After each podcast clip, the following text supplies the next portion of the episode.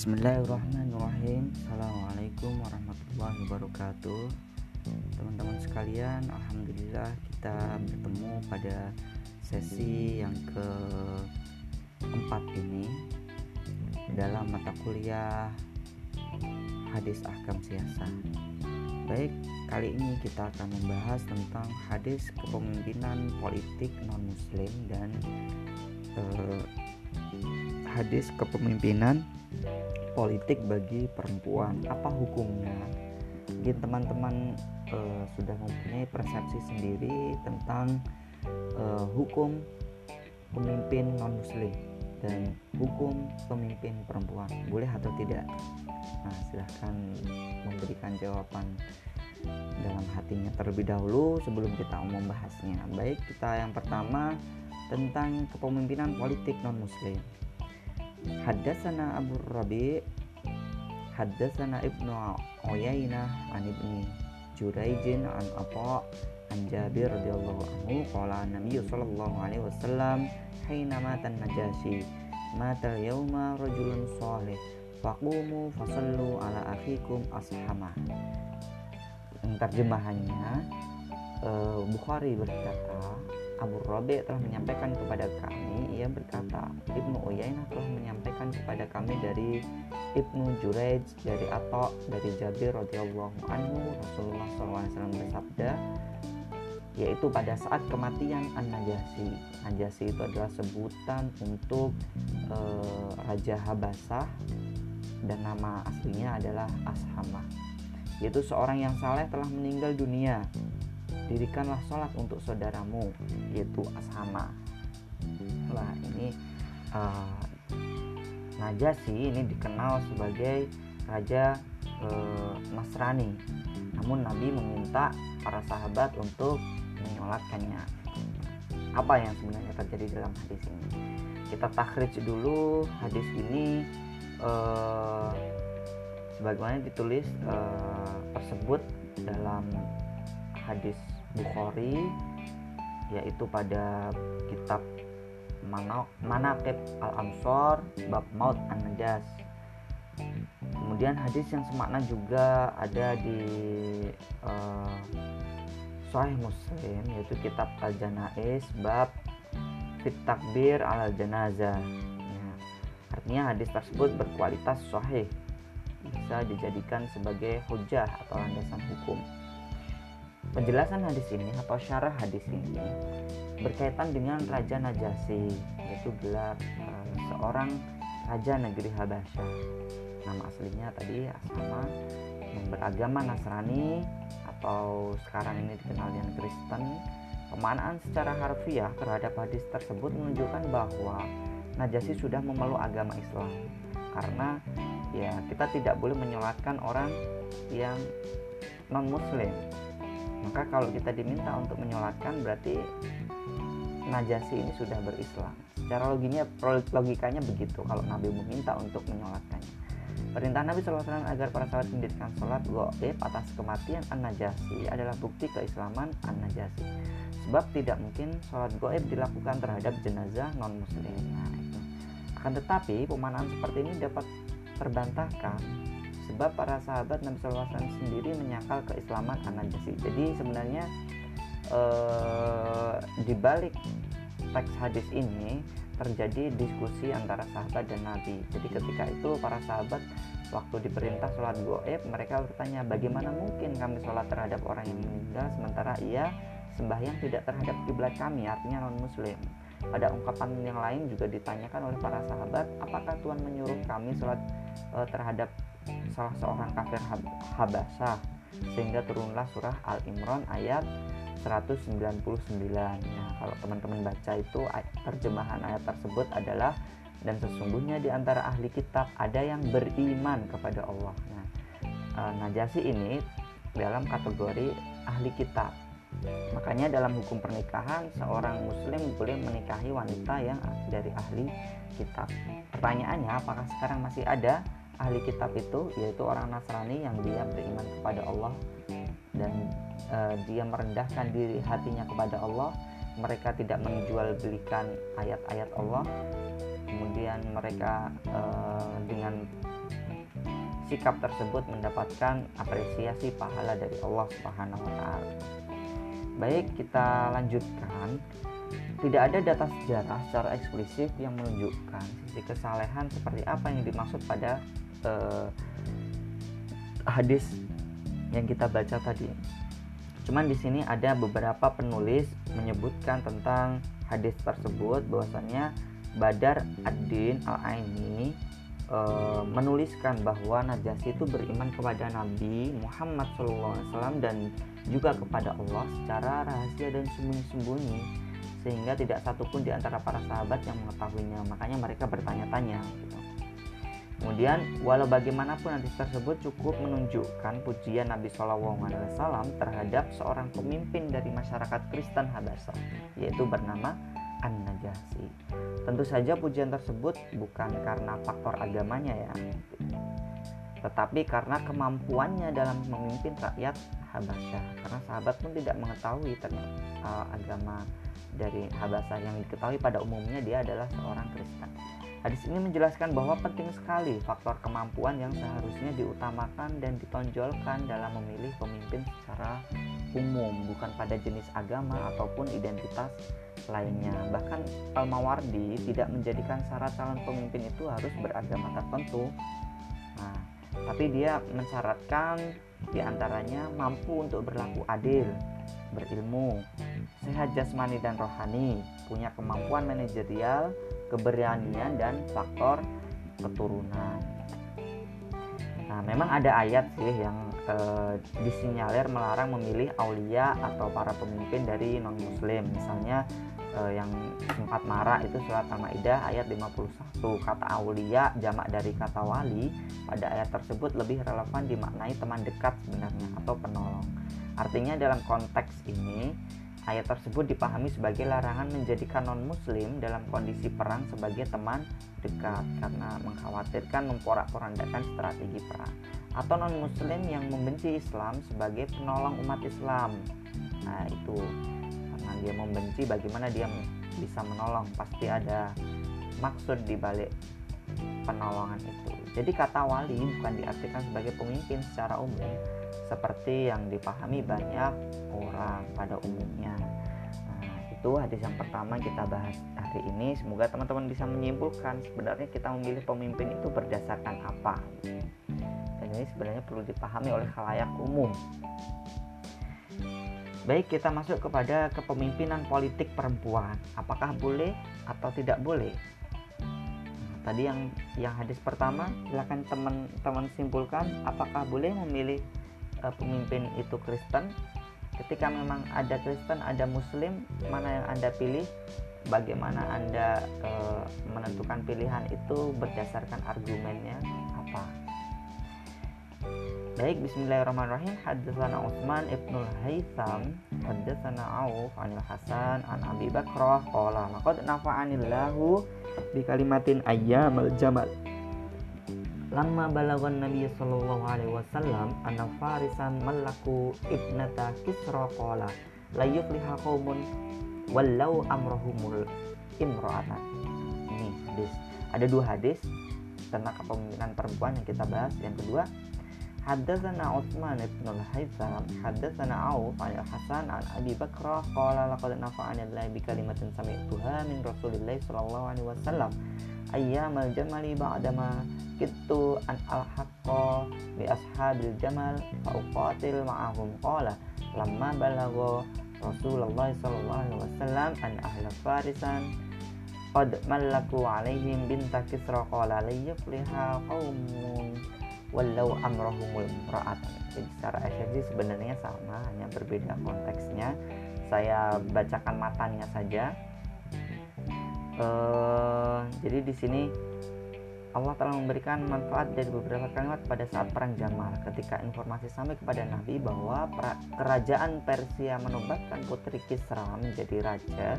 Beliau bersabda tidak akan beruntung suatu kaum yang menyerahkan urusan kekuasaan mereka kepada wanita nah itu terjemahan hadisnya kemudian yang e, selanjutnya ini juga disebutkan bahwa rakyat Persia menobatkan putri Kisra menjadi raja mereka begitu tidak akan beruntung. Nah, ini hampir sama. Kita takhrid aja langsung.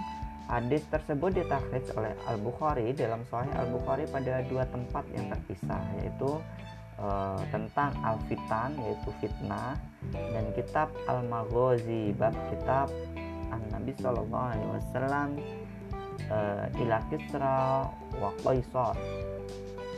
Nah, hadis ini juga ditakhrid dalam hadis lain yaitu an-nasai dalam sunan an-nasai. Kemudian Ahmad juga mentakhrid uh, kita simpulkan hadis tersebut berkualitas sahih karena sesuai riwayat Bukhari termasuk juga hadis yang diriwayatkan Tirmizi dan Nasai. Jadi bisa disebut hadis ini muttafaqun alaih bisa dijadikan sebagai hujah. Cuman bagaimana kita memahami hadis itu yang perlu kita pelajari lebih lanjut. Ya memang e, bisa dijadikan pedoman, tapi berpedomannya itu kesimpulannya apa dari hadis itu? Apakah menunjukkan Eh, setiap yang dipimpin perempuan itu pasti akan membawa madorot gitu. Sehingga kita tidak boleh membawa uh, memilih pemimpin wanita. Kita lihat asbabul wurudnya. Asbabul wurud itu sebab turunnya hadis tersebut. Kalau ayat berarti ashabun asbabun nuzul. Kalau ini asbabul wurud. Berdasarkan informasi sebelumnya dapat diketahui bahwa hadis tersebut disampaikan pada dua kondisi yang berbeda yaitu di masa Nabi SAW dan juga pada masa sahabat Nabi. Yang pertama, pada saat rakyat Persia menobatkan seorang perempuan menjadi raja bernama Buron. Buron adalah putri dari Raja Kisra yang bernama Syairuyah bin Abruwais bin Hurmus. Setelah Syairuyah mangkat atau meninggal, maka kedudukan raja digantikan oleh putrinya yaitu Syairuyah eh, setelah Sairu yang mangkat maka kedudukan raja diganti oleh putrinya yaitu eh, rajanya itu yaitu yang bernama Buron. Putrinya bernama Buron rajanya yang meninggal bernama Sairu ya. Informasi tentang hal tersebut sampai kepada Nabi Muhammad SAW sehingga eh, melonceng istilahnya ya yaitu membuat hadis tersebut Kedua, yaitu pada saat berkecamuknya perang Jamal, yaitu perang yang melibatkan dua kelompok besar sahabat Nabi SAW. Kelompok pertama dipimpin oleh Aisyah dan kelompok lainnya di bawah pimpinan Ali yang itu nanti bisa menjadi sejarah munculnya eh, madhab teologi yaitu seperti Khawarij, Syiah itu muncul setelah perang Jamal. Kemudian penjelasan hadis tersebut secara tekstual hadis ini menunjukkan pelarangan perempuan menjadi pemimpin politik. Sebab negara atau kerajaan yang dipimpin oleh seorang perempuan akan mengalami kekacauan dan kegalauan dan kegagalan. Pembacaan hadis seperti ini tentu eh, mengandaikan pandangan yang monolitik terhadap isu kepemimpinan politik perempuan. Artinya ya kita melihat hadis itu tidak hanya sekedar tekstual tapi harus kontekstual. Bagaimana kontekstual? Ya kita melihat sebab turunnya hadis penjelas cara hadisnya kemudian kondisi saat ini ter, uh, terhadap teks hadis itu bagaimana gitu. Terkadang kalau orang mau ambil instannya ya untuk memenangkan perpolitikan lawannya perempuan ya karena umat Islam mayoritas gunakanlah ayat-ayat ini biar tidak memilih calon perempuan itu. Namun sebenarnya ada tiga pandangan tentang kepemimpinan politik perempuan dalam Islam. Pendapat yang pertama melihat wanita tidak mempunyai hak sama sekali dalam berpolitik. Di antara dalil yang dipakai untuk menguatkan pendapat e, mereka adalah adanya ketentuan laki-laki adalah pemimpin bagi perempuan. Ar-rijalu qawwamuna 'alan nisa larangan wanita untuk keluar rumah yaitu surat Al-Ahzab ayat 33 dan 53 dan juga hadis yang sebagaimana kita baca tadi. Jadi berdasarkan dalil-dalil ini petunjuk-petunjuk ini mereka menyimpulkan bahwasanya perempuan sama sekali tidak boleh memimpin perpolitikan apa pun tingkatannya. Itu pendapat pertama. Pendapat kedua dari sebagian besar ulama klasik dan kontemporer memandang wanita memiliki hak berpolitik yang sama seperti laki-laki kecuali memegang pucuk pemerintahan yaitu misalnya dalam hal ini adalah presiden dengan alasan bahwa laki-laki dan perempuan mempunyai hak dan kewajiban yang sama dalam Islam yaitu bisa dibaca di surat Al-Baqarah ayat 228, Al-Hujurat ayat 13, At-Taubah ayat 71 uh, dan uh, An-Nur ayat 30 sampai 31. Alasan pendapat yang kedua bahwasanya wanita uh, memiliki kemampuan untuk berpartisipasi dalam wilayah politik. Sejarah membuktikan bahwa Ratu Bilqis misalnya telah sukses memerintah uh, kota Sabak atau daerah Sabak. Dalam surat An-Naml itu diceritakan panjang lebar ayat ke-32 sampai 34. Nabi Shallallahu alaihi wasallam juga mengakui uh, suaka politik dari kaum wanita seperti uh, Ummu Hani dalam peristiwa Fathul Mekah. Nabi SAW juga menerima bayat kaum wanita. Penyebaran dakwah Islam melalui periwayatan hadis juga dilakukan oleh kaum perempuan juga misalnya Aisyah. Artinya perempuan itu juga mempunyai uh, uh, kemampuan loh. Uh, ya dari akademik kemudian ke politik juga. Artinya memimpin pun mereka juga uh, mempunyai kemampuan dan artinya di situ tidak menutup kemungkinan untuk menjadi pemimpin.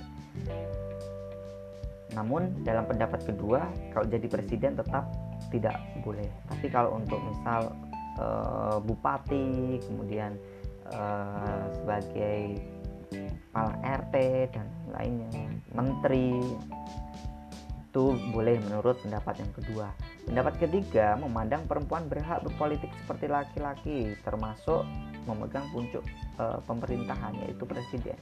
Pendapat ini juga mengambil dasar dari kisah Ratu Bilqis serta realitas suksesnya beberapa pemimpin dunia dari kalangan perempuan. Misalnya Margaret Thatcher kemudian Indira Gandhi Syajaratud yang e, menghalau tentara Salib masuk ke Mesir. Bahkan kerajaan Aceh Darussalam pernah dipimpin oleh seorang perempuan misal Din mereka berpendapat juga bahwasanya wilayah Al-Uzma dulu bernama pemimpin tertinggi dalam semua lini baik kenegaraan dan agama seperti menjadi imam sholat dan khotib. Itu uh, ini wilayah wilayah al-uzma itu dimaknai seperti itu. Namun setelah tumbangnya khilafah Utsmaniyah uh, sistem kenegaraan mengalami pergeseran jadi wilayah al-uzma ini bergeser. Ada pembagian tugas yang e, membantu wali seperti